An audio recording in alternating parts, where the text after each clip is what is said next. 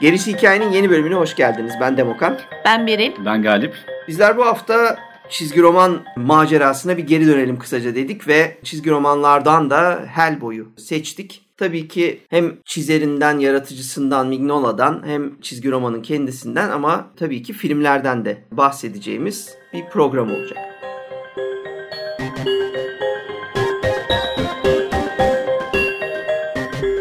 Hellboy önemli bir karakter. Ee, 1993 yılında yazar çizer Mike Mignola tarafından e, ilk hazırlanıp yayınlandığı günden itibaren birçok mecrada kendine yer bulabilmiş bir sürü hikayeleriyle e, dünya çapında tanınan filmleriyle e, anılan bir karakter.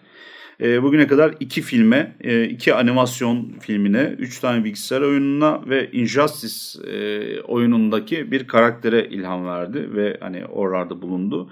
Yeni filmi de 2019 yılında bizim çok sevdiğimiz yönetmen Neil Marshall'ın çekeceği ve David Harbour'un e, tartışmalı şu an birazcık performansıyla izleyeceğimiz bir karakter Hellboy. İçeride de baş kötü olarak Mila Jovovich'in canlandıracağı e, kırmızı bir cadı e, geçiyor. Şimdi İTEK yayınlarından 2004 yılında galiba filmin ilk filmle beraber yayınlanan ya da 2006 yılında yayınlanan bir şeyle biz Türkiye'de tanıştık Hellboy'la. Daha eski değil. Türkiye'de de daha çok filmleriyle biliniyor. 2004 yılında ve 2008 yılında her ikisinde de Ron Perlman'ın canlandırdığı Hellboy karakteriyle.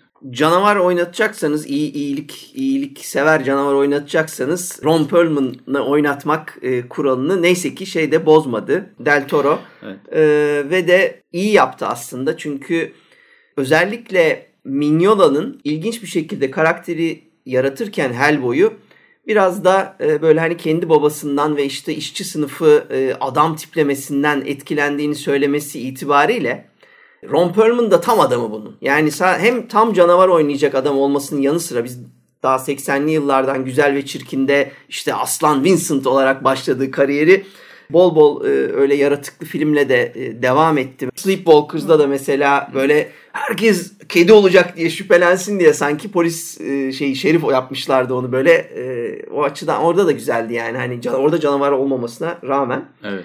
Ve burada da biz filminde çok iyi bir canlandırma görüyoruz. Ben gerçekten başarılı bir makyaj, başarılı efektler. Yani Del Toro'nun e, şanına yakışır bir ilk film yapmışlardı. O açıdan da sadece oyuncular değil. Çünkü bir oyuncuları ayrı koymak gerekiyor. Ron Perlman orada, John Hurt orada. Bunlar level atlatıyorlar filme. Tabii. Yani sadece bir böyle e, alışık olmayacağımız, olmadığımız tarzda bir süper kahraman e, filmi değil. Aynı zamanda çok büyük oyuncularla çok iyi performansların verildiği böyle ben sirk gibi gördüğüm bir filmdi epik aslında. Epik, yani hem bir yandan epik tarafı var, diğer taraftan da böyle road show gibi böyle freak show gibi böyle sağdan soldan yaratıkların çıktığı ama bunun çok şölensel gerçekten e, güzel çıktığı da bir işti.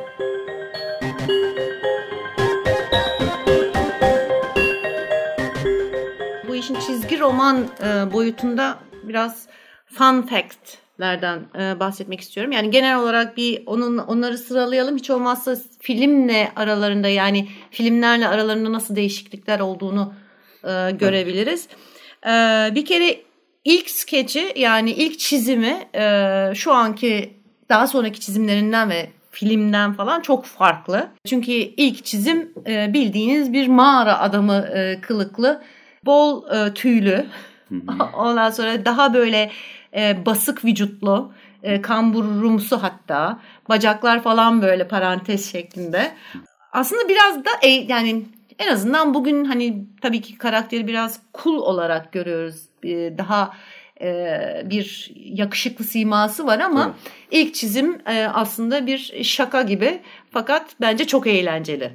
Ya tabii şimdi o bir e, bir tane convention'da hani bir program kitapçığı için siyah beyaz çizi veriyor. San Diego zannedersem. Evet, San Diego Comic Con.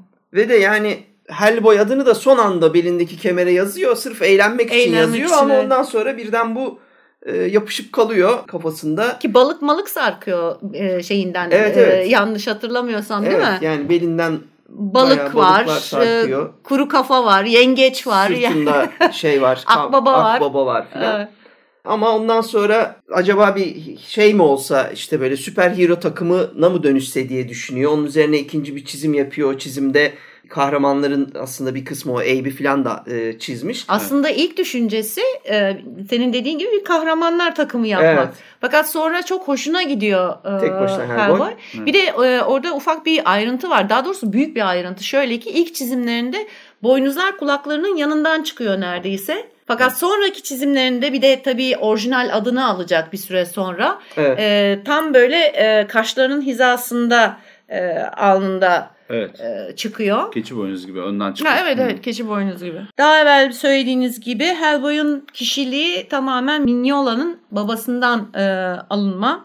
Babası da nasıl biri? Aslında bir Kore Savaşı gazisi. Orada bulundum, her şeyi de gördüm, her şeyi de yaptım tadında. E, bu Hellboy'un hani bu hafif sevimli ukalalığını aldığı kişilik tamamen oradan geliyor.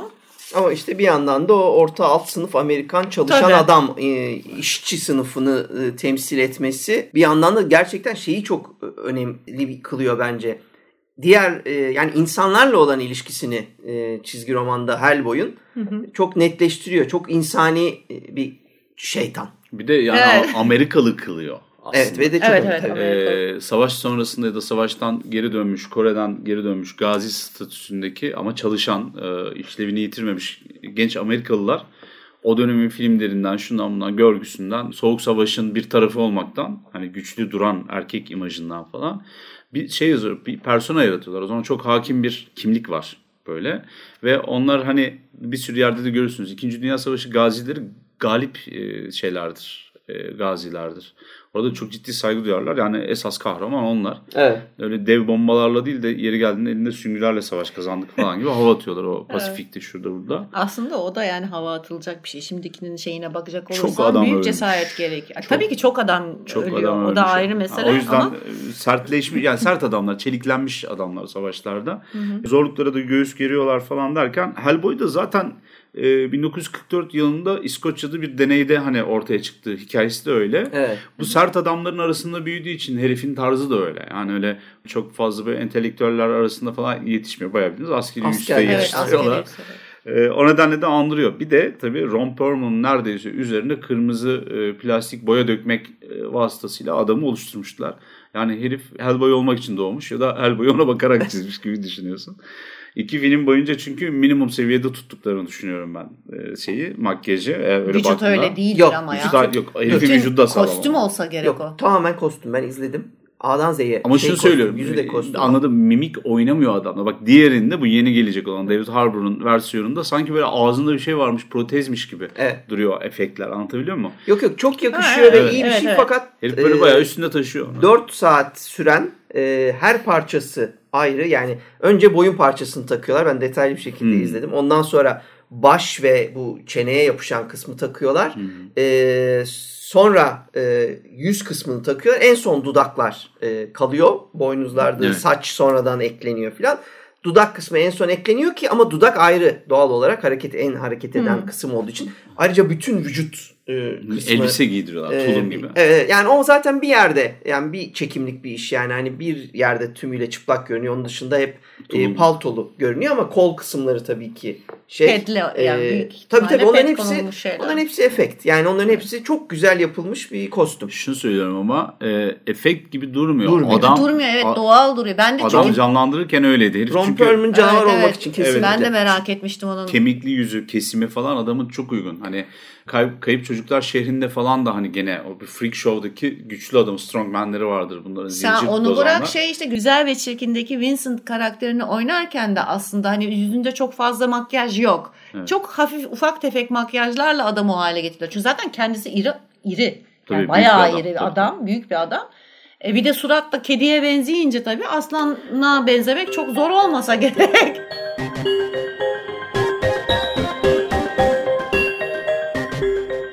Bir de oyunculuğun büyük etkisi var. Şimdi tabii, biz tabii. film üzerinden konuşuyoruz. Dediğim gibi John Hurt falan orada şey yapıyor zirve. Ron Perlman da çok iyi bir Hellboy oynuyor. Kesinlikle. Hı hı. Çok fırlama bir adam böyle sarkastik yeri geldiğinde dalga geçiyor yeri geldiğinde ergen gibi Bu, davranıyor falan. Şeyden de ortaya çıkıyor. E, Mignola ile Guillermo del Toro bir çok iyi anlaşıyorlar. Daha baştan birbirleriyle uyum içinde oluyorlar. O tabii birden şey yapıyor. Yani tamam okey aldık biz bunu ve bu benim filmimdir demiyor. Bu karakter sen yaratıcısın. Gel seninle beraber biz bu karakterin üzerinde çalışalım diyor bir. İkincisi mesela işte hemen filme girerken daha başlangıçta Ron Perlman'ın kararı veriliyor. Ron Perlman'ın daha önceden yapılmış bir şeyinden, büstünden e, geliyorlar maskeyi yapıyorlar. Ve Ron Perlman'dan e, yani onun yüzünü kullanarak e, geriye dönüşle yeniden şeyi yaratıyorlar. Hellboy'u Hellboy yaratıyorlar. yaratıyorlar. Evet.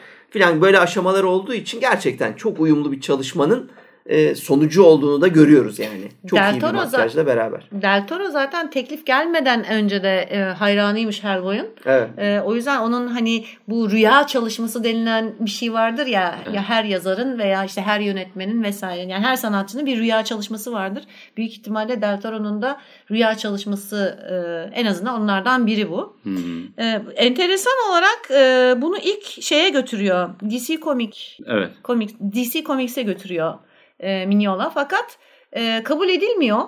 E, onun sebebi de cehennem konusunun çok fazla geçiyor olması, insanın hani insanların gözüne sokar gibi e, görünmesi gibi bir bahane sunmuşlar. Hı hı. E, daha sonrasında tabii böyle bir şey alınca e, çünkü kendi şeyini yaratmak istiyor. Kendi kahramanını yaratmak istiyor. Evet. Ve e, bunu kendi kahramanı evet ben bunu ben yapacağım deyip kendi yapıyor ondan Hı-hı. sonra. Orada tabii şöyle bir etki de e, gene söz konusu. Guillermo del Toro da Mike Mignola da aslında bakarsanız piyasadaki büyük operatörlerden bunlar. Sağlam iş yapan insanlardan kendi işlerine geçmeden evvelsinde de. E, bu aynı şekilde günümüzde benzer buna benzer bir iki tane adam var. Bir tanesi Neil Blomkamp mesela. Hı hı. Uzun yıllar boyunca CG'ler, e, CG işiyle çalışmış bir artist, gene, gene sanatçı.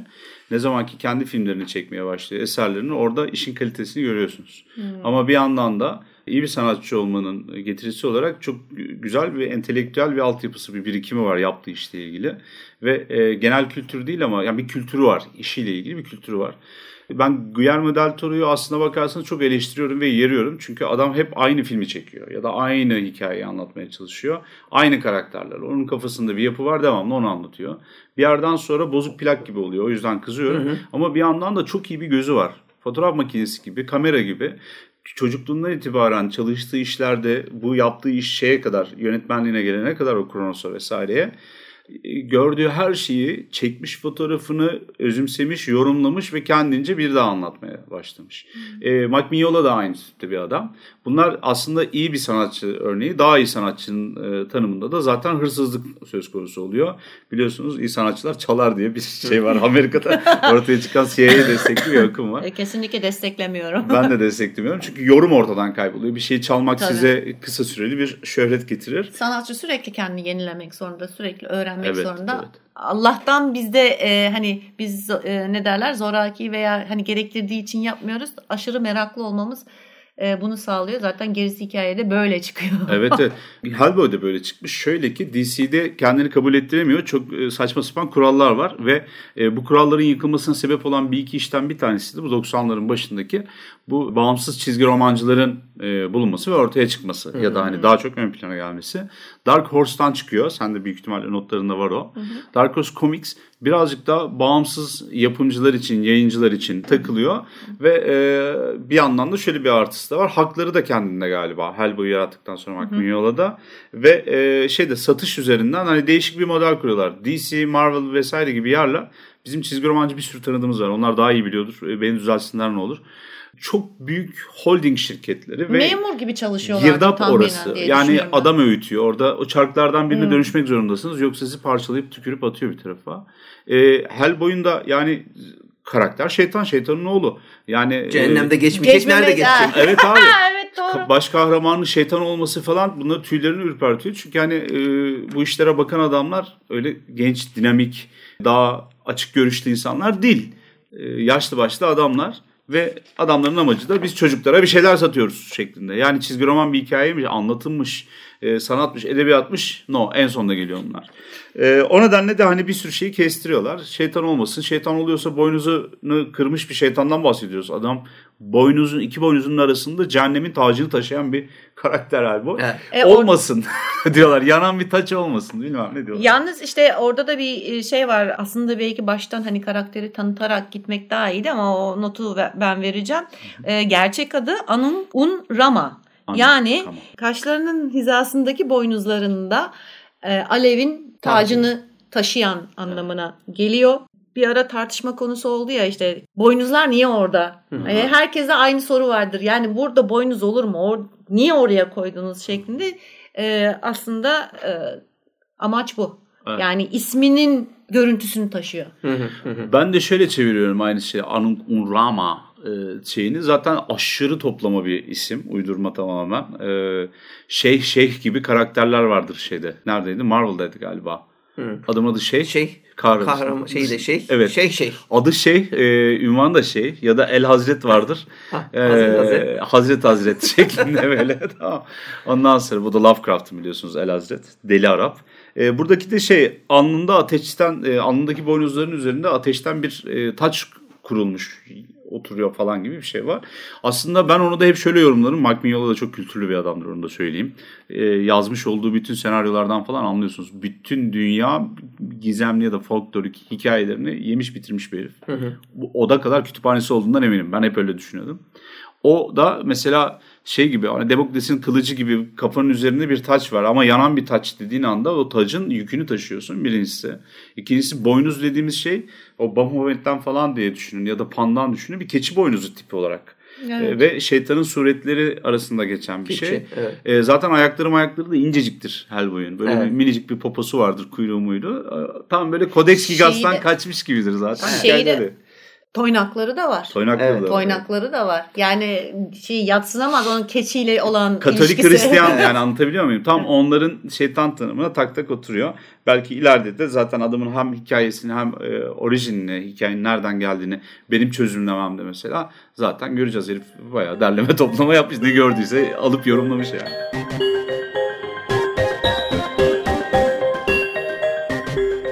Bence zaten Hellboy'un en büyük güçlerinden biri bu evren yaratma e, meselesinde e, bir adım önde başlıyor olması. Gerçekten sağdan soldan toplama işini kaliteli ve düzgün bir şekilde yapıyor. Yani bir tarafta sen Tevrat'tan isimleri, melek isimlerini, Archangel'ların isimlerini, şunu bunu alıyorsun, canavarlarını öyle bir şeyle destekliyorsun. Yani sen koyduğun zaman e, atıyorum Samael'in ismini bir yere koyduğun zaman Talmud'dan hani alıyorsun ölüm meleğinin adını.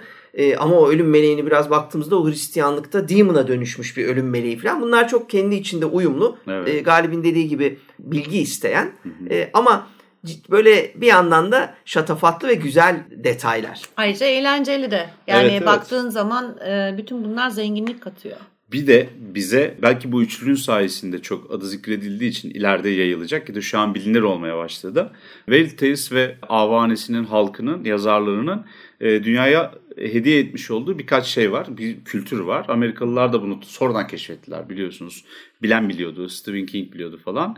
Mike Mignola da kaçınılmaz olarak biliyor. Ucuz neşriyat bu Pulp Fiction'dan gelen bir sürü yapı var. Mesela Lovecraft'ın canavar yaratımlarını e, takip ediyor. Hani hem bir saygı duruşu gibi hem de e, onu kabul ederek, onu piri kabul ederek evet. devam ediyor. E dediğin gibi baş kültürünün adı mesela Ogurjat. Hafiften Sami, Arabik ama özünde de Sümer isim.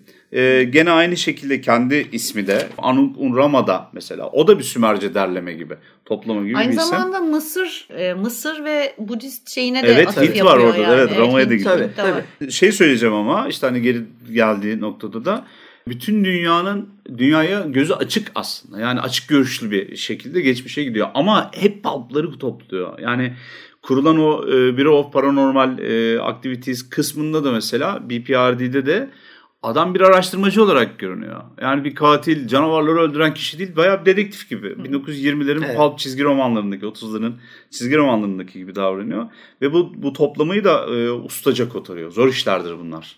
Evet şimdi bu evren yaratımında çok tabii Amerikalı yanı da öne çıkıyor. Bir yandan bu anlattığımız gibi kökenlere e, meraklı isimler işte yani sen babasını işte Azrael diye yaratıyorsun. Bir hem işte Azazil'i anımsatıyor hem Azrail'i anımsatıyor vesaire bu detaylarla uğraşıyorsun. Ha ama öbür tarafta da e, şeyi de koymaktan çekinmiyorsun. Ape Sapien diye tamamen uydurma yok Abraham Sapien falan diye böyle kıytırık yani hani çok Amerikan hareketler bunlar ama o kadar güzel bir uyumla e, çalışıyor ki birbiri içinde evet. ve tabii sonuçta mal Amerikalı, sunulacak kitle Amerikalı. Evet. Tabii ki başarılı olması kaçınılmaz bir hal alıyor. Ha ama sadece yazarlıkla değil ki bence önemlidir. Yani her çizer e, yazar değildir. Yazar e, olamaz zaten. Olmak durumunda da değildir.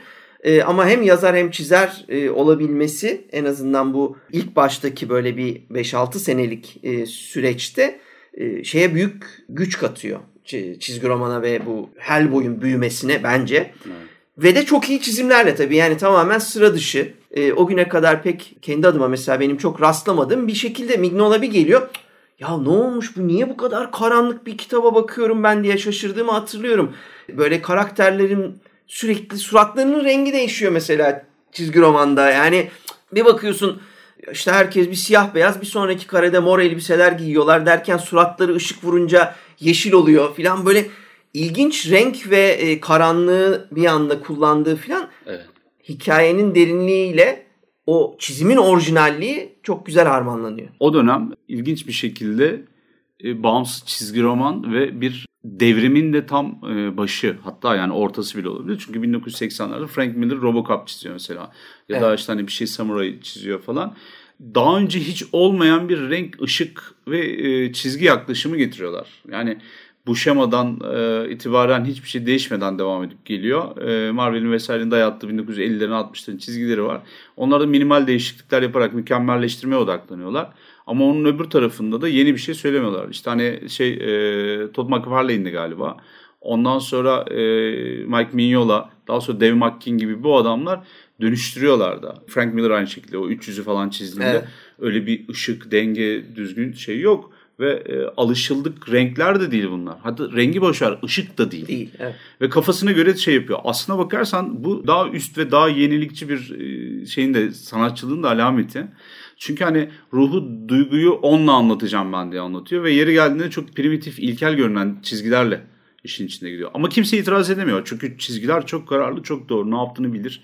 Yeri geldiğinde kübist falan gibi duran diğerlerinin yanında işler piyasayı dönüştürüyorlar biliyor musun? Bugün çizgi roman piyasasında mesela alışılageldik yapının dışında bunların oluşturmuş olduğu böyle creepy evet. bir başka tarz var.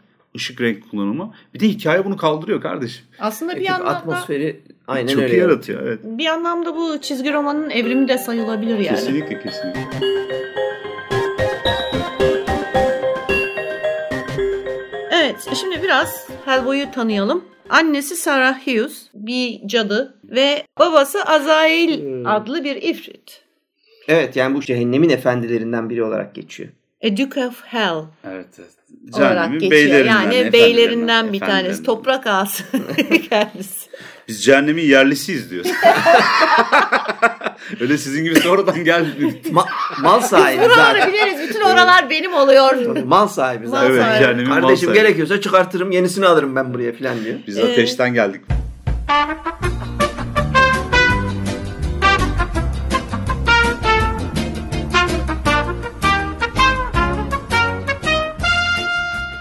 Hellboy doğduğunda babası onun sağ elini kesiyor ve onun yerine Right Hand of Doom yani kıyametin sağ elini yerleştiriyor.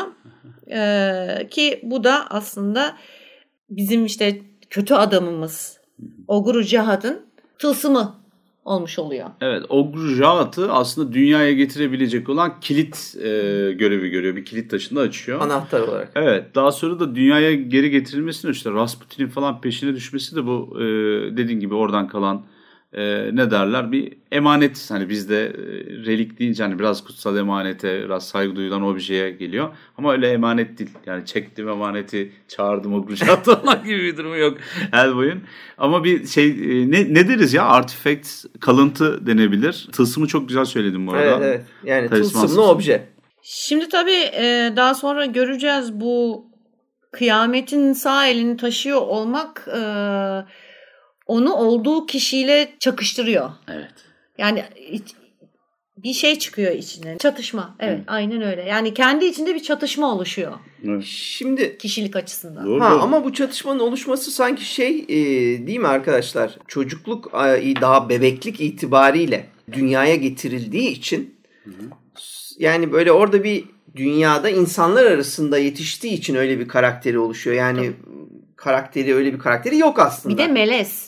Yani bir insandan ve e, ifritten doğma olduğu için e, zaten başta bir tamam, handikapı var ama yani. Cehennemde yetişse büyük ihtimal cehennem kültürüyle ben, yetişirdi. Tabii, evet, tabii. Ben onu cehennem. diyecektim. Aynen evet. öyle. Yani baba tarafı daha baskın olabilir ha. orada.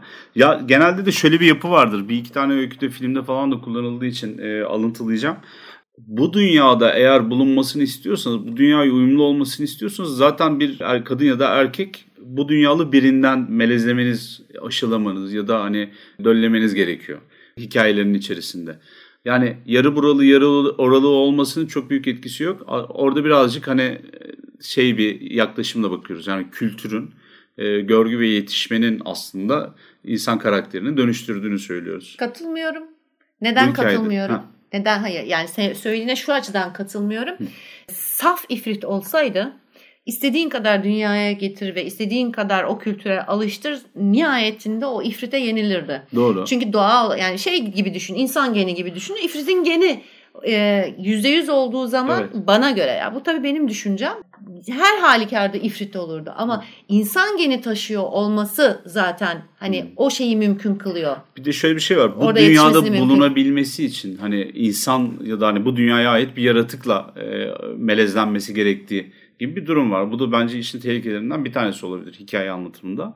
E, o nedenle zaten burada öyle bir şey durumu ortaya çıkıyor. Yani bu dünyada bulunabilmesi için o Dima'nın bir insandan doğması ya da bir insanı ele geçirip onun bedeninde dünyaya gelmesi gibi bir durum olması gerekiyor. Böyle anlatılar var demek istiyorum. Ha, okay. Gotik okay, anlatıda okay. böyle şeyler var yani ve çoğu zaman canavarlar da şey yapmıyorlar. Çok umursamıyorlar bir insandan dünyaya gelmeyi ya da bir parçasının insan olmasını.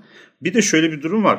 Mike Mignola dediğim gibi iyi bir okur ve e, kültürlü bir adam aslına bakarsanız e, edebiyatın ve özünde de korkunun ya da karanlık anlatının şifresini çözmüş adam. Çok net bir tane kalıp bir klişe bir hadise var. O da insanın kendi ruhunun derinliklerindeki o çatışma aslında hikaye ediliyor evet, birçok iyi ile kötünün çatışmasını evet. anlatıyor evet. aslında. Bir de bunu alıp getirip bir tane e, ucube bir bedenin içerisindeki e, iyi ya da kötü, siyah ya da beyaz olmaya çalışan bir yetişkin ya da bir çocuk olmak arasında gidip gelen bir karaktere koyduğunuzda da film çakır çakır işliyor. Yani o çarklar dönüyor. Buradaki mesela Hellboy'un da hadisesinde de aynı biraz önce dediğin gibi Beril en büyük sıkıntısı geçmişi yani varoluşu. Ee, bir yandan da adamın yapısına uyuyor ve yani toplam 20-22 yaşında Hellboy'un hikayelerinin geçtiği zaman da aslında şey olarak söylüyor. Yani bir ergen adam neredeyse. Kendi varoluşunu sorguladığın yaştasın 20'li yaşlarında.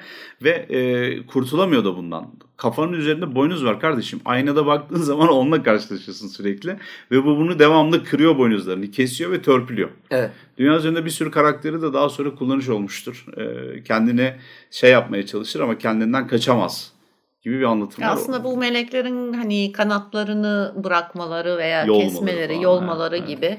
Ya tabii sonuçta Aynı şey. insanların şey. içinde yaşamak istiyorsan o uyum sağlaman gerekiyor. Yoksa Görüntüyü yabancı hani oluyorsun. Xenofobi Hı. Fırlıyor ve o bir süre sonra insanın ya da yaratığın her neyse kendisini de etkiliyor. Yani uyum sağlamak istiyorsan onlara benzemek zorunda. Ama tabii ki Hellboy'un zaten öyle bir şansı yok. Bir kere kırmızı yani e, gerçekten boynuzlara gelene kadar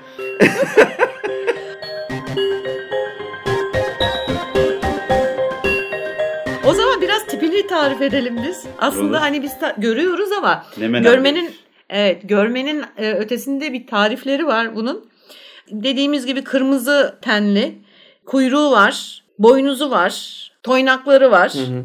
Ayrıca kocaman bir sağ eli var. Yani balyoz gibi bir sağ eli var. Kurutulmuş kavrulmuş fıstık gibi kokuyor. O da yanmaktan herhalde. O cehennem kokusunu fıstıkla anlatmak keyifli ama. Bizde de şey olsun hadi. Kuru yemişçinin önünde leblebi vardır ya. Çevirir durur. Hayır şimdi bunu ben şu, şunu... E, leblebi kokan adam. Ha. Şu benim çok hoşuma gitti. Çünkü e, şimdi genelde kullanılan şey cehennemden çıkan yaratıkların sülfür koktuğu e, söylenir. Hmm. Fakat bunun saf kötü olmamasından kaynaklı olarak yani daha insancıl ama gene de sülfüre yakın çünkü e, hakikaten kavrulmuş fıstık da biraz çok hafif sülfürü andırır. Şimdi burada çok güzel bir detay var bence. Film yine e, işini araya sokacağım. Çizgi romanda birebir olmayan filmde e, ama potansiyel görülüp yapılan benim çok hoşuma giden bir birkaç tane detay var. Onlardan bir tanesi bu en başta Rasputin şeyi canlandırırken, getirirken dünyaya Hellboy'u çizgi romanda biz e, bu Hellboy'un eline benzer işte iki tane şey eldiven böyle elektronik alet taktığını görüyoruz çizgi romanda eline. Fakat mesela filmde bunu şey yapıyorlar uyumlu olsun diye tek ele giydiriyorlar. Ve filme dikkat ettiğimiz zaman adım adım aslında bütün filmde Hellboy'un kesinlikle simetrik olmamasını filmdeki diğer yaratıklara da atfediyorlar gördüğüm kadarıyla ya da olaylara işte e, atfediyorlar ve sürekli korumaya çalışıyorlar. Dengesiz yaratıklar, dengesiz ortamlar yaratıyor Del Toro. Bu benim mesela çok hoşuma gitti. Bu çizgi romanda olmayan filmde olan bir şey. Evet. Yani Rasputin çağırırken tek elinde aynı sağ elindeki bir o benzer eldivenle çağırıyor. Ondan sonra gelen işte o filmde gelen Samuel denen yaratık mesela bir kolu diğerinden daha kalın. Ondan sonra bir tarafta iki gözü var, öbür tarafta öbür tarafta tek gözü var filan gibi böyle sürekli dengesiz yaratıklar ve e, imajlar kullanıyor. Simetriyi sürekli bozuyor olması bence filmin bir artısı olmuş çizgi romanda benim göremediğim şeyin tek başına var. Şey acayip dengesiz bir evet. yaratık çünkü yaratılan yani o incecik bacakları, incecik kolu, incecik kuyruğu, kafası kadar bir kolu olan e, Hellboy e, bunun diğerlerinde de yansıması yapılması benim çok hoşuma gitmişti filmde. Evet. Benim orada söyleyeceğim başka bir durum var aslında. Bu da bu canavar hikayesi. Şimdi Guillermo del Toro ne çekse aynı şeyi çekiyor demiştim ya. Yani hangi canavarı yapacak olsa kesinlikle o imzasını bir koyuyor. Bu da çok Lovecraftian bir şey olarak tabir ederler. E, işin içerisinde kesin bir amfibik, kurbağamsı, e, evrimin bir ya da birkaç milyon yıl evvelki bir basamağından e, esinlenilmiş. Lovecraft'ın da hep dile getirir gibi çarpık. Biraz tuhaf. da kozmik. Evet kozmik çünkü uzaylı falan bunlar özünde de. Adam uzayda duruyor cehennemde durmuyor mesela başkötü. Uzayda başka bir galakside evet. tamam mı? Efsane bir şey bu bilim korku aslında bakarsanız. Başka yerlerde de 90'larda e, ortaya çıkmış başka konseptler var onları da söyleyeceğim. Onlarda da bu kullanıldı. Orada bir bilim kurguyla fantastik kurgunun ya da korkunun barıştığı bir an ortaya çıktı. Burada da aynı bir şey durumu var. Hala bilim bir şekilde bilimin e, göstermiş olduğu, öne sürmüş olduğu şeyler hikayenin içerisinde yani Relik'te de aynı şeyi kullanıyor mesela Del Toro. Blade 2'de de aynısını yapıyor. Fan'da da aynısını yapıyor. Pan'ın labirentinde. Hep bir kullanmış olduğu yaratıklarda bir şeylik var. Böyle hani bir sümüksü bir hal. E, sanki toprak üzerinde yürümeye şey değil. Yani e, güzel ve çirkinde yerin altındaydı karakter. E, ama ona rağmen herif permalı saçla neredeyse geziyordu tamam mı? Temiz yüz baş. Şeyler ufaktan dantelli şeyler kanalizasyonda, yeraltı insanlarında. Ama burada Del Toro'nun hikayesinde her taraf leş gibi. Zaten şehre ne zaman çıksalar yağmur yağıyor falan. Anlatabiliyor muyum? O kirli, çamurlu ve hani böyle yosunlu hadise e, Amerikan Pulp'ının Lovecraft vari hikaye anlatımının özü. Her şey kötülük de hep denizden geliyor zaten bir şekilde. Evet. E, tabii burada Bell'in dediği o şey e, öne çıkıyor. Yani o şansı e, bu hayal projesi, rüya projesi olmasında Mignola'nın evet. da şansı var. Yani zaten Mignola'nın yarattığı atıyorum gelen yaratık bayağı kurbağa gibi bir yaratıktı. E, o kurbağa yaratık işte Samuel'e dönüşüyor. Başka bir şey oluyor ama kendince yine de o dediğin hani kurbağa duygusu. Dil, zaten. dil atması vurması bilmem ne. Yani bir tarafta yani Mignola'da da o var. Evet e, pislik, çamur, iğrençlik, yapışkanlık bu şeyde kullanıyor. Yani orada bence o çok olumlu etkilemişler birbirlerini. Mignola'nın olumlu bir etkisi olduğunu düşünüyorum. Ben tümüyle kendisi olamamış e, Del Toro filmde. Bu da iyi olmuş. Evet, evet. Olsaydı farklı olabilirdi. Kesinlikle.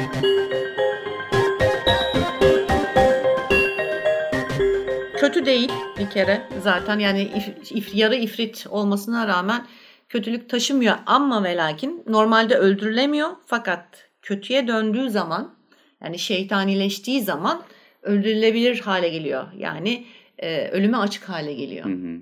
Şimdi Hellboy bir süre cehennemde bebek olarak İkinci Dünya Savaşı'nın son demlerinde Naziler tarafından getiriliyor. Fakat tabii büyü, büyü ve teknoloji kullanarak ama getiriliyor büyü, tabii, derken tabii, tabii. Ee, onu yapan da zaten Grigori getiriliyor. Getirilmesine de tabii sonra olan bir takım olaylar nedeniyle bu Amerikalıların eline geçiyor çocuk ve o şekilde yani bir insan gibi büyütülüyor. Evet. Normal bir insan çocuğu gibi büyütülüyor. Yaşlanmıyor yalnız. Şöyle ki e, ters tersine köpek yılı tabiri var. Evet. Ta, tabiri var. Yani yaşlanmasını tabir ederken. Yani bizden 7 kat daha yavaş yaşlandığını varsayabiliriz evet, değil mi? Evet aynen öyle. 7 kat daha e, yavaş yaşlanıyor. E, fakat şu da var. Hani büyümesi de çabuk. Büyümesi çabuk. Fiziksel büyümesi çabuk ama yaş alması daha yavaş. Evet. İlk başarılı misyonunu 1952'de tamamlıyor bu paranormal güçlere e, karşı. Bu yüzden de honorary human yani Fahri insan. Fahri, fahri aynen öyle. Fahri insan statüsü alıyor. ee, dünyanın en iyi paranormal araştırmacısı ünvanını alıyor. Bu arada işin enteresan yanı okülte ayet çok yani okülte ayet tam manasıyla bir bilgin. Evet. evet.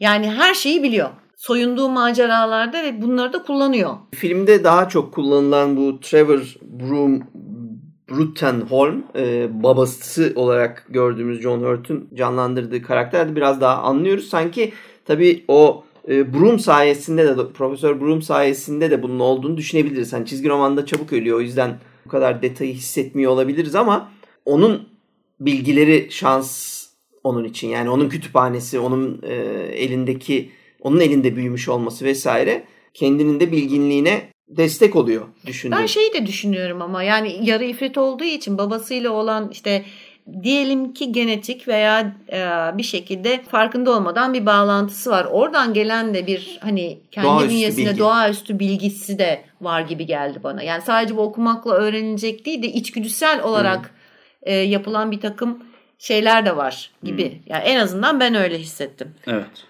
yatkın ve, olduğunu söyleyebiliriz. Evet, evet evet yatkın yani. Yatkın. Evet ve bu e, şeyi çok güzel kullanıyorlar. Yine e, hazır Rasputin'i de soktuk. Şimdi bir yandan büyü bir yandan e, teknoloji. Biz burada bizim Indiana Jones modumuzu da açıyoruz. Yani Mignola'nın e, etkilendiği şeylerden biri de belli ki bu. Yani Almanların o okült 2. Dünya Savaşı sırasında Nazilerin e, büyü yaparak öne geçme çabası hikayelerini çok ciddiye alıp bir sonraki aşamaya getiriyor. Bunun gerçek olduğu varsayımıyla e, maceracı paranormal araştırmacılar gidiyorlar.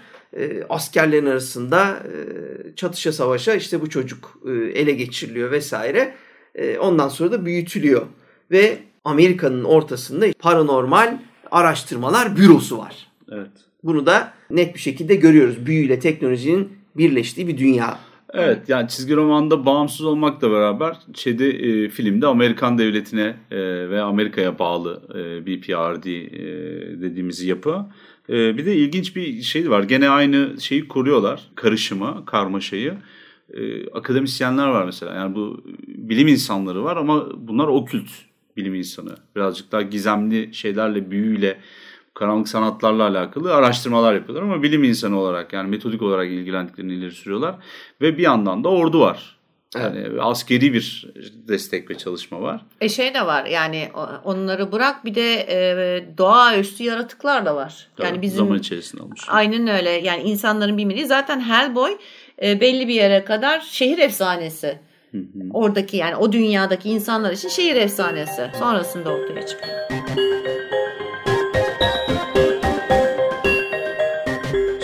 E, Hellboy için söylenebilecek aslında bir sürü şey var. Gayet güzel de tanımladın. O beden yapısı, e, şu bu hepsi, hepsi anlatıyor. Çizgi romandaki yapı birazcık daha panvari. Her an e, hareket edecekmiş gibi, yay gibi gerilmiş, kambur, dizleri hafiften çekik ve kuyruğu da yay gibi falan olur genelde. Bir e, böyle bir yapı arz ediyor. İşte üniforması var, arkadaşları var, sidekickleri var. Daha Hı. önce Mike Mignola'nın gene başka yerler için geliştirmiş olduğu karakterler. Aklına takılan Abe Sapien'lar ondan sonra. Elizabeth Sherman'lar. Evet Liz Sherman'lar falan. Ee, ve orada da bir temel arka hikaye oluşturuyor. Burada aslında önemli olan bu punk unsurlar. Bunlar gotik hikayeleri. Ee, ve özellikle de baştan e, kabul ettiği bir katolik evreninden Hı hı. E, yola çıkarak söylüyoruz. Punk unsurlarla yeniden şekillendirmesi söz konusu. Mike Mignola bu konuda en erken yola çıkanlardan bir tanesi. Çünkü 90'ların sonunu 2000'lerin e, yani 2000'lerin ortasını falan hatırlayanlarınız var ise en azından hemen fark edeceksiniz. O dönem çok ciddi bir şiir fantazyası işgali altındaydı. bizim bu sanat dünyamız diyeyim. Orada da özellikle ön planda olan şey birazcık daha karanlık şehirlerde geçen büyülü şeylerin şehirlerde hayatlarına devam ettiklerini öne süren. Hatta kirlendiklerini. Kirlendiklerini ileriye süren e, şeydi bir konsepti, bir mevhumdu, yapıydı, bakış açısıydı. Bunun ortaya çıkarttığı birkaç tane şey var. Modern olmakla beraber geçmişi ve büyülü şeyleri ele alan, bunları merkezine oturtan onları yok saymayan bir takım yapılar var. Mesela oyun dünyasında özellikle FRP gibi oyunlarda Mage Ascension, White Wolf dünyasının içerisinde kurgulanmış olan şey direkt olarak Hellboy'un gırtlağına kadar battığı yerde aslında. Fables aynı şekilde daha sonra ortaya çıktı. Fable dediğimiz şeyin adına baktığımız zaman, tanımına baktığımız zaman aslında Ezop'un antik zamanda, antikitede hayvanları o zamanın çağdaş e, normlarına göre konuşturduğunu görüyorsunuz. Tavşanın üzerinde bir toga yok atıyorum. Ya da bir tunik yok kapl şeyde kaplumbağada. Filde şunda bunda. Fil yok galiba o zaman. Fili bilmiyorlar. Ama elinde havuçla söylev yap söylev Konuşuyor. veriyor. Aynen öyle ve modern şeylerden bahsediyor. Ee, Ezop'un karakterleri de. Ee, o zamana göre çağdaş şeylerden bahsediyor. Hala evet. bir fable dediğimiz şey. Hı hı. E, zamanı işin içinden denklemden çıkartırsınız. Aynı getirin 2010'lara 1990'lara koyun. Aynı şekilde çalışacak bir yapı tabir itibariyle. Fable yapısı mesela oyunlarda çok yüksekti. Daha sonra bunun yankıları ve yansımaları 2000'lerin e, 2004-2005 gibi ortalarından itibaren vurmaya başladı.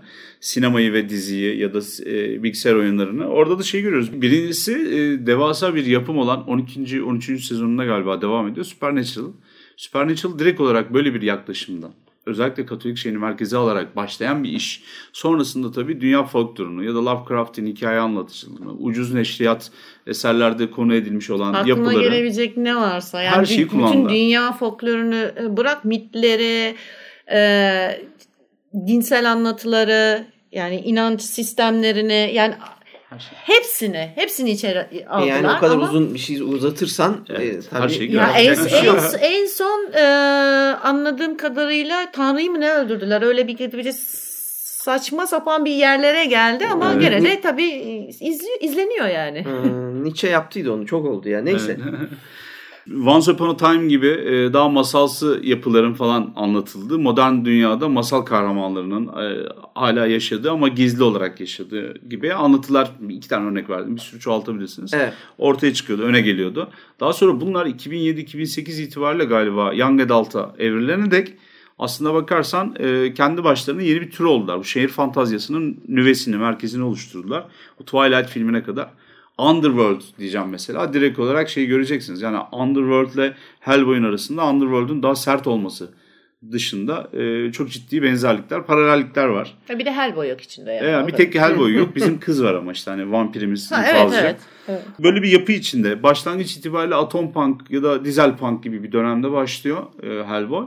Ama mesela daha sonra anlatıldığı hikaye 1990'larda işte 2000'lerde falan geçen kısımlarıyla hep böyle e, post punk gotik punk unsurları içeriyor şehirli olmasıyla. Ve şeyi de görüyorsunuz o pulpların hepsini çalışmışlardı Simignola. Evet. Ya, ya uzun süre boyunca çizgi roman hazırlaması, konsepti şunu bunu bunun etkileri var. Hem de e, bir yandan da hiçbir folkloru es geçmemiş. Supernatural için ne söylediysen belli aynısı Hellboy için geçerli. Adam gidip evet. Kıvay'dan anlatıyor ya. Japon tuhaf korku hikayelerinde şeyin içerisine koyuyor. Baba Yagalarla kavga ettiriyor. Evet evet. Ondan sonra Hatta daduşka, şey, nelerle, babuşkalarla uğraştırıyor falan böyle. Hatta e, inek çalan uzaylılarla bile uğraşıyor yani. Aynen öyle.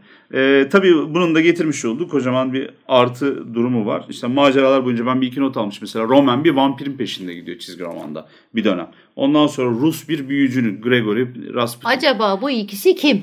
Evet bolca ölü, hayalet, hortlakla karşılaşıyor ve onlarla da bir şekilde anlaşıyor. Bir tane yerde işte ilk filmin sonuna doğru işte nekromansi yapıyordu. Bayılırım ben o sahneye. Evet. Huysuz bir şey cesedi kaldırıyor böyle. Yer göstersin. Yer diye. göstersin diye. GPS gibi kullanıyordu herif falan böyle. Aslına bakarsanız anlattığı hikayelerin hepsini web bir karşılığını görebiliyorsunuz. 30-40 sene boyunca yazmış bu adamlar. Büyü, teknik ve teknolojinin birleşimi olarak ben tanımlıyorum. Özellikle bu konsepti ve ilk filmi. Benim en çok e, sevdiğim şey aslında Hellboy'un e, en azından ilk iki film için e, o ironik espri anlayışını ve de huysuzluğunu veya işte mızmızlığını ve alışkanlıklarını mesela işte pancake sevmesi gibi kedilere düşkün olması gibi yani böyle karakterini iyi vermiş olması. Gerçekten iyi vermiş. Yani Ron Perlman'ın tabii ki çok büyük e, etkisi var bunda senin dediğin gibi. Yani adam karakteri çok iyi oynamış. Fakat e, şeyi de es geçmemişler. Hmm. Yani o karakterindeki çıkıntıları es geçmemişler. Belki de son derece basit bir hikaye aslında. Yani iki filmde bence basit hikayeleri. Tabii. Ama karakterin o çıkıntılığı tamamen farklı bir yöne çekiyor filmleri.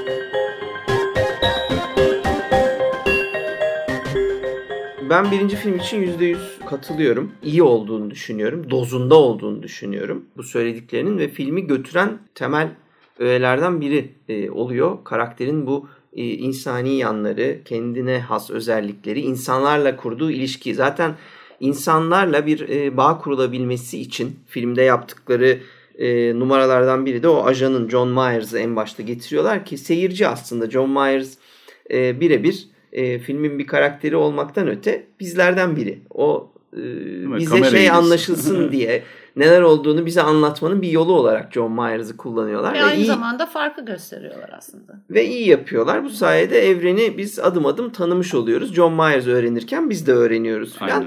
Ve e, o huyları vesaireleri de böylece kısa sürede yani ana hikayeye geçelim hadi uzatmayalım mı böyle iyi başarıyorlar. Ama ben kendi adıma ikinci filmde bunun e, John Myers'da olmadığı için tamamen kopup gittiğini, karakterin birinci filmde gösterdiği özelliklerin hepsinin ikinci filmde akıl almaz şişirilip birden Hellboy'un böyle komedi kahramanına dönüştürüldüğünü gördüm. Yani filmin içinde espri yapmadığı bir an yok. Komiklik yapmadığı ve yani sadece seyirciye de yapmıyor komikliği. Kendi yaşadığı evrende de komik bir yaratığa dönüşüyor. Oysa birinci filmde öyle o kadar komik bir yaratıkla karşı karşıya değiliz biz. Evet gayet ciddi bence. Çok yani gerçekten öyle. Çizgi romanda da öyle değil. Burada da değil. İkinci filmde ikinci filmde böyle hadi arkadaşlar basalım komediyi. Millet gülerken izlesin bu masalı. Yine güzel masal havasını yaratmış. İşte efektler güzel, atraksiyon güzel, daha büyük elfleri katıyor, şunu yapıyor, bunu yapıyor. Ee, ben öldüm yani izlemeye çalışırken. Çünkü film bence hem hikayeyi iyi anlatamıyor hem karakterleri bozduğu için illa aşk hikayesi koyacağız. Yani az kalsın dans ettirecekti. Yani şarkı söyletti. Az kalsın dans ettirecekti yani bira sofrasında falan böyle e, bilmiyorum Çok yani. Çok saçma şeylere ikinci, ikinci, ikinci film e, üzü, üzücü bence. Birinci filmde e, durmayı seçebilirsiniz. Hmm. Ama filmin kesinlikle artı yanları birinci film için konuşuyorum. E, şeyi zenginleştiren, e, çizgi romana bir şeyler katan yanları olduğunu unutmayalım. İkisini ben şey yapamıyorum. Ayrı düşünemiyorum yani. E, birleştiler bu işin sonucunda bence. Kafamda Birinci oturdu. filmde çizgi, birinci filmde çizgi, çizgi roman. roman. Evet. evet. Ben ikinci filmde Zannedersen benim en sevdiğim bölüm animasyon bölümü oldu. Evet, mükemmel. Gerçekten çok iyi animasyondu. Evet. Ve ben çok büyük beklentiyle başladım filme. Oo. Dedim şimdi elfler de girdi işin içine. Tamam, bomba bir film bekliyor beni. İlk seyrettiğim zamandan bahsediyorum. Şimdi ikinci kez tekrar seyrettim hatırlamak için ama o kadar unutmak istemişim yani. Filmi o kadar hatırlamıyorum. Bir tek hani hayatımda bu kadar çirkin elf görmedim dediğimi hatırlıyorum. Yani ilk seyrettiğimde.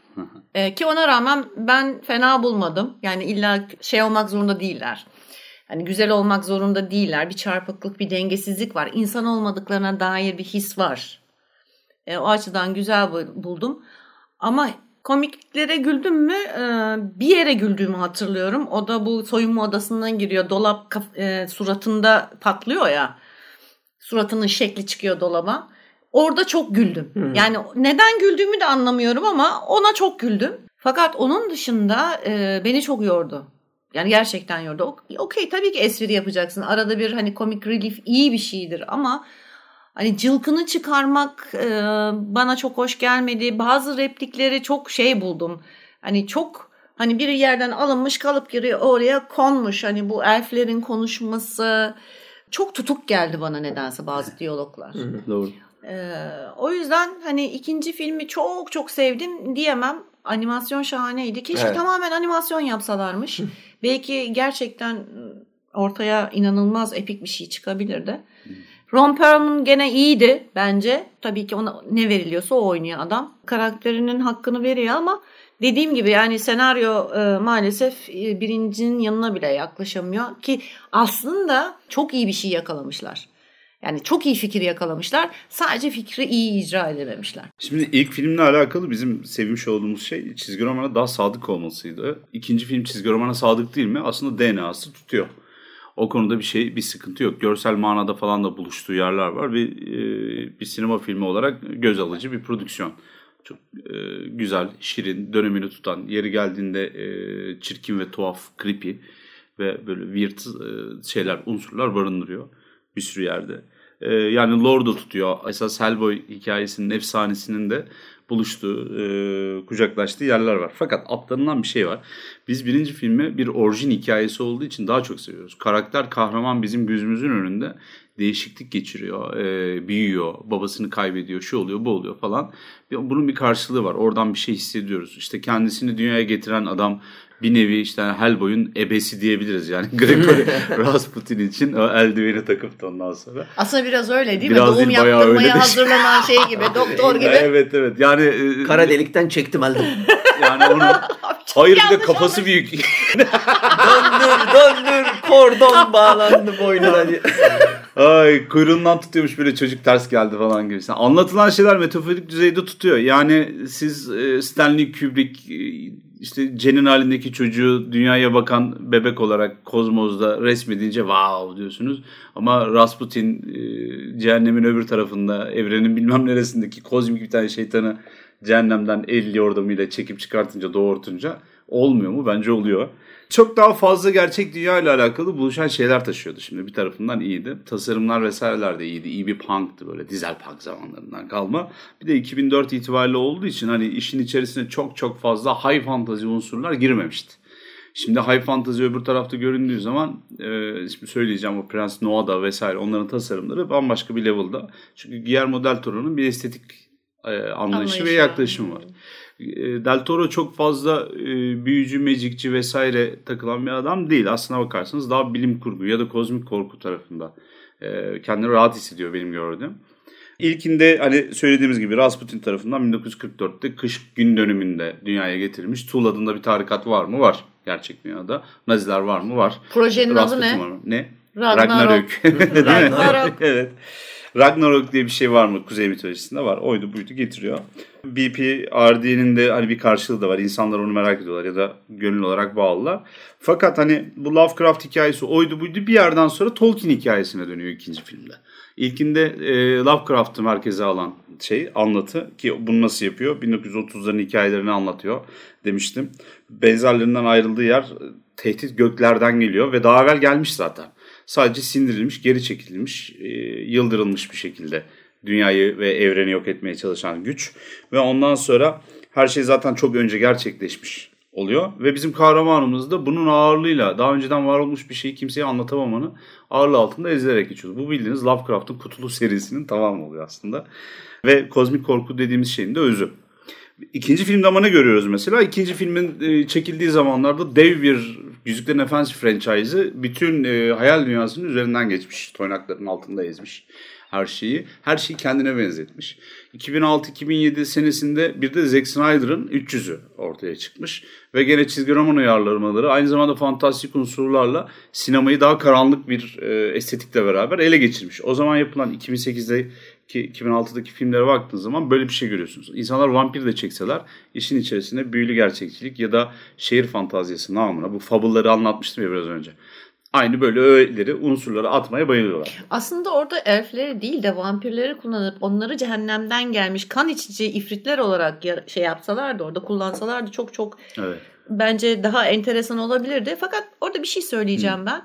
E, bütün bunlara rağmen mesela kullanılan o altın ordu. Evet bu biliyorsunuz terakota e, Askerler. askerlere bir atıf gibi geldi bana. O çok iyi bir fikirdi bence. Ama terakota Aynı askerler zamanda, canlansaydı mesela birinin tabii, ruhunu tutmuş oluyordu o zaman. Hayır yani şey atıf olarak ben beğendim. Yani evet. ordu olarak onları şey yapması. Ama o orduyu bir golem olarak e, düşünmeleri de mesela diyorum ya işte fikirler çok güzel fikirler var. Pırıl pırıl bir de. Pırıl pırıl. Şimdi e, buradaki yapı şu aslında Beril dedin ya biraz önce acaba bunu vampirlerle yapsaydı da kan emiciler şunlar bunlar yaptı zaten. Guillermo del Toro Blade 2'de birebir bu filmi çekti. Hı. Hikaye de birebir böyle bir şey. Prens Noada yerine e, o zamanki Prens e, Jared Nomak adındaki kişi. Aynı kişi oynuyor. Luke Grass oynuyor gene aynı karakteri. Ve e, Jared Nomak karakterini hatırlarsanız Blade 2'deki baş kötü prens. Vampir Prensi. Kel de o sadece yani. Diğerinin üzerinde pejmürde beyaz saçları böyle e, göğüslerine kadar uzanan karanlık bir elfimiz var.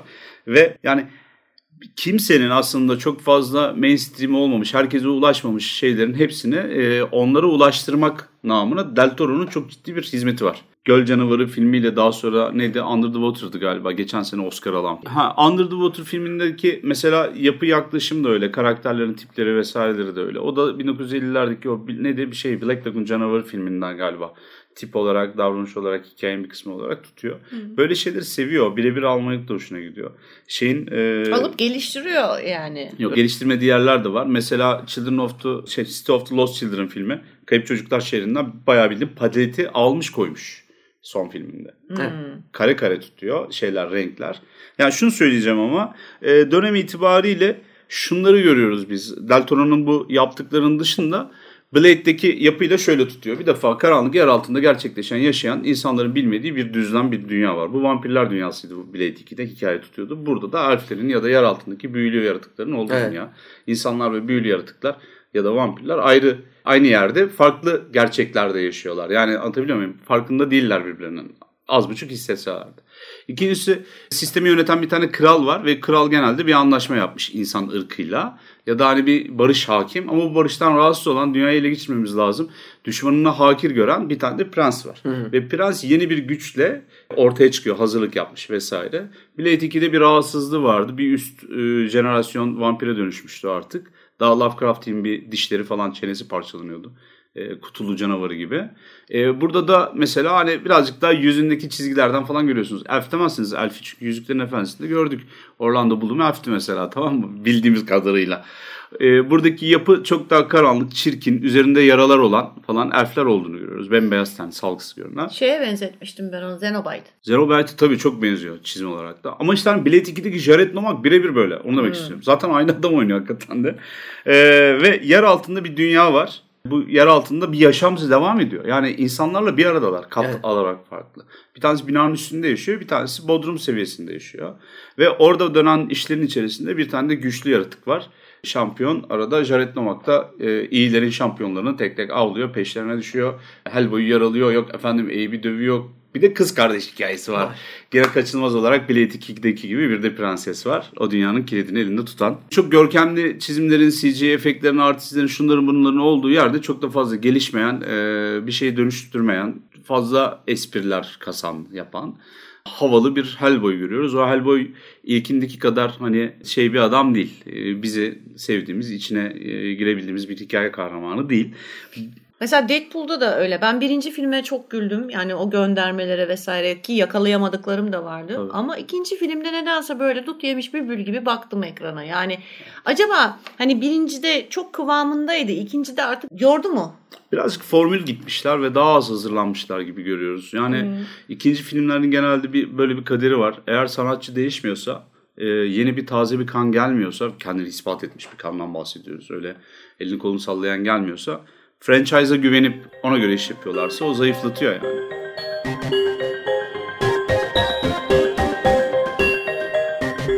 Evet şimdi burada çok net bir şey var bence film anlamında, senaryo anlamında zaten sorun. Ee, şimdi Galip'in ve Beril'in söylediği bütün o epik şeyler, anlatının içindeki özellikler, işte efektlerin güzelliği, anlattığı konunun derinliği falan bunların hepsi var filmde. Bunlar cepte. Ama bunlar bir filmin geçtim iyi olmasını, bir filmin film olmasını bile sağlayacak şeyler değil. Bunlar hikaye unsurları. Bunlar kendi başlarına önemliler. Ama sen bunları alıp doğru bir şekilde bir sinemaya uyarlayamazsan işte sonunda Hellboy 2'ye dönüşüyor benim görüşüme göre. Şöyle hayal ettim ben. Sanki Star Wars'un dördüncü filmini e, hayal edelim. Han Solo'nun bar sahnesini. Bütün film sanki bar sahnesinde geçiyor ya. Bütün filmi komedi uz yani Star Wars'un hepsi orada geçseydi aynen böyle bir film olurdu. Yani dördüncü film dediğim ilk film. Yani sen alıyorsun her şey çok komik yaratıklar var ve bütün her sürekli espri yapılıyor. Ya niye espri yapılıyor? Niye gülmeye çalışıyoruz? Biz bak işte anlatılan o kadar derin hikaye var. Galib'in anlattıkları çok önemli şeyler. Bell'in söyledikleri çok önemli şeyler. Elinde bu kadar zenginlik var. Baştan oturmuş karakterler var. Sen niye alıyorsun bunu parodi? Parodi bile değil. Yani e, kendi parodisi olsa Deadpool mantığında o bile belki iş yapar. Evet. Bu maalesef yapılamamış, olmamış her şeyi böyle bir lüzumsuz e, caf caf soytarılığa çekip ilerlemişler bence senaryo anlamında. Senin, o da de, senin deyiminle soytarmışlar yani. evet, evet öyle olmuş. O da maalesef e, üzdü yani beni çok üzdü. Çünkü potansiyel kaybediliyor tabii ki. Evet. Bakalım şimdi e, şeyde ne olacak bir sonraki filmde. Bu, bu introdan sonra o girişten sonra o epik bir girişti. Başlı başına bir film havasındaydı. Yani onu doyduk biz onu izlerken hayran kaldık. Ondan sonra karşımıza çıkacak olan şey yani böyle gitmemesi aslında büyük bir hayal kırıklığı yarattı. Dediğin gibi her şeyleri vardı ellerinde. Tabii tabii. Ciddi gitmeye devam etselerse evet. bence bu kadar sorunlu olmazdı. Evet. Yani Orada, o dediğim gibi sürekli bir komediye sapmışlar ve lüzum yok. Lüzum ve yok. Acı acı şeyler de oluyor. Adam kalbinden yaralı bilmem tabii, neye tabii. gidiyoruz ama biz şeye ikna olmuyoruz mesela. Hellboy'un e, o kadar büyük bir belayla hastalıkla karşı karşıya olduğunu ve en sonunda öldürecekler mi artık? Yok artık falan diyorsun. Yani çünkü belli ki baş karakterin bu kadar üstüne gidilmez. Orada komediye dönüşüyor. Absürt oluyor. Ama şeyi de düşünmek lazım. Bu gene abi dönüp dolaşıp stüdyoda yapımcıda patlayan işlerden bana sorarsan çok fazla karışmışlar saçmalamışlar gibi geliyor bana. Ama nihayetinde yani her boy eninde sonunda hani spoiler olacak kocaman. Hiçbir hakkın yani hiçbir fikriniz yoksa kocaman bir spoiler geliyor. Hmm. Ee, sonunda en azından çizgi roman e, kısmında diyebiliyorum. E, cehenneme dönüyor ve orada kalmak zorunda kal- hmm. kalıyor. Çünkü yani dünyada dünyayı yaşamıyor. Dünyayı yok edecek çünkü dünyaya evet, evet. geçerse. Yani bir anlamda aslında dünyada ölmüş oluyor. Evet. Bizim ama buradaki yaklaşım tam onu bile yakalamış bir halde değil. Yani bunları falan hiç ciddiye almıyorlar, düşünmüyorlar. Dediğim gibi adam aynı şeyleri çekip duruyor ama onu bir söyleyeceğim. İkinci hani birinci film çok iyiydi. ikinci film hayal kırıklığıydı. Ama benim üçüncü filmden umudum var. E, çünkü en azından yönetmen başka biri. Evet. O yüzden e, bekliyorum. Yani iyi bir şey çıkmasını bekliyorum. Eğer bire dönerlerse, birinin stiline dönerlerse gene epik bir şey çıkacaktır diye düşünüyorum. Evet. Ben de şey olarak söyleyeyim biz bunu Conan'da da yaşamış ve irdelemiştik. Büyük ihtimalle hani benim biraz önce öne sürdüğüm şey yanlış da olabilir.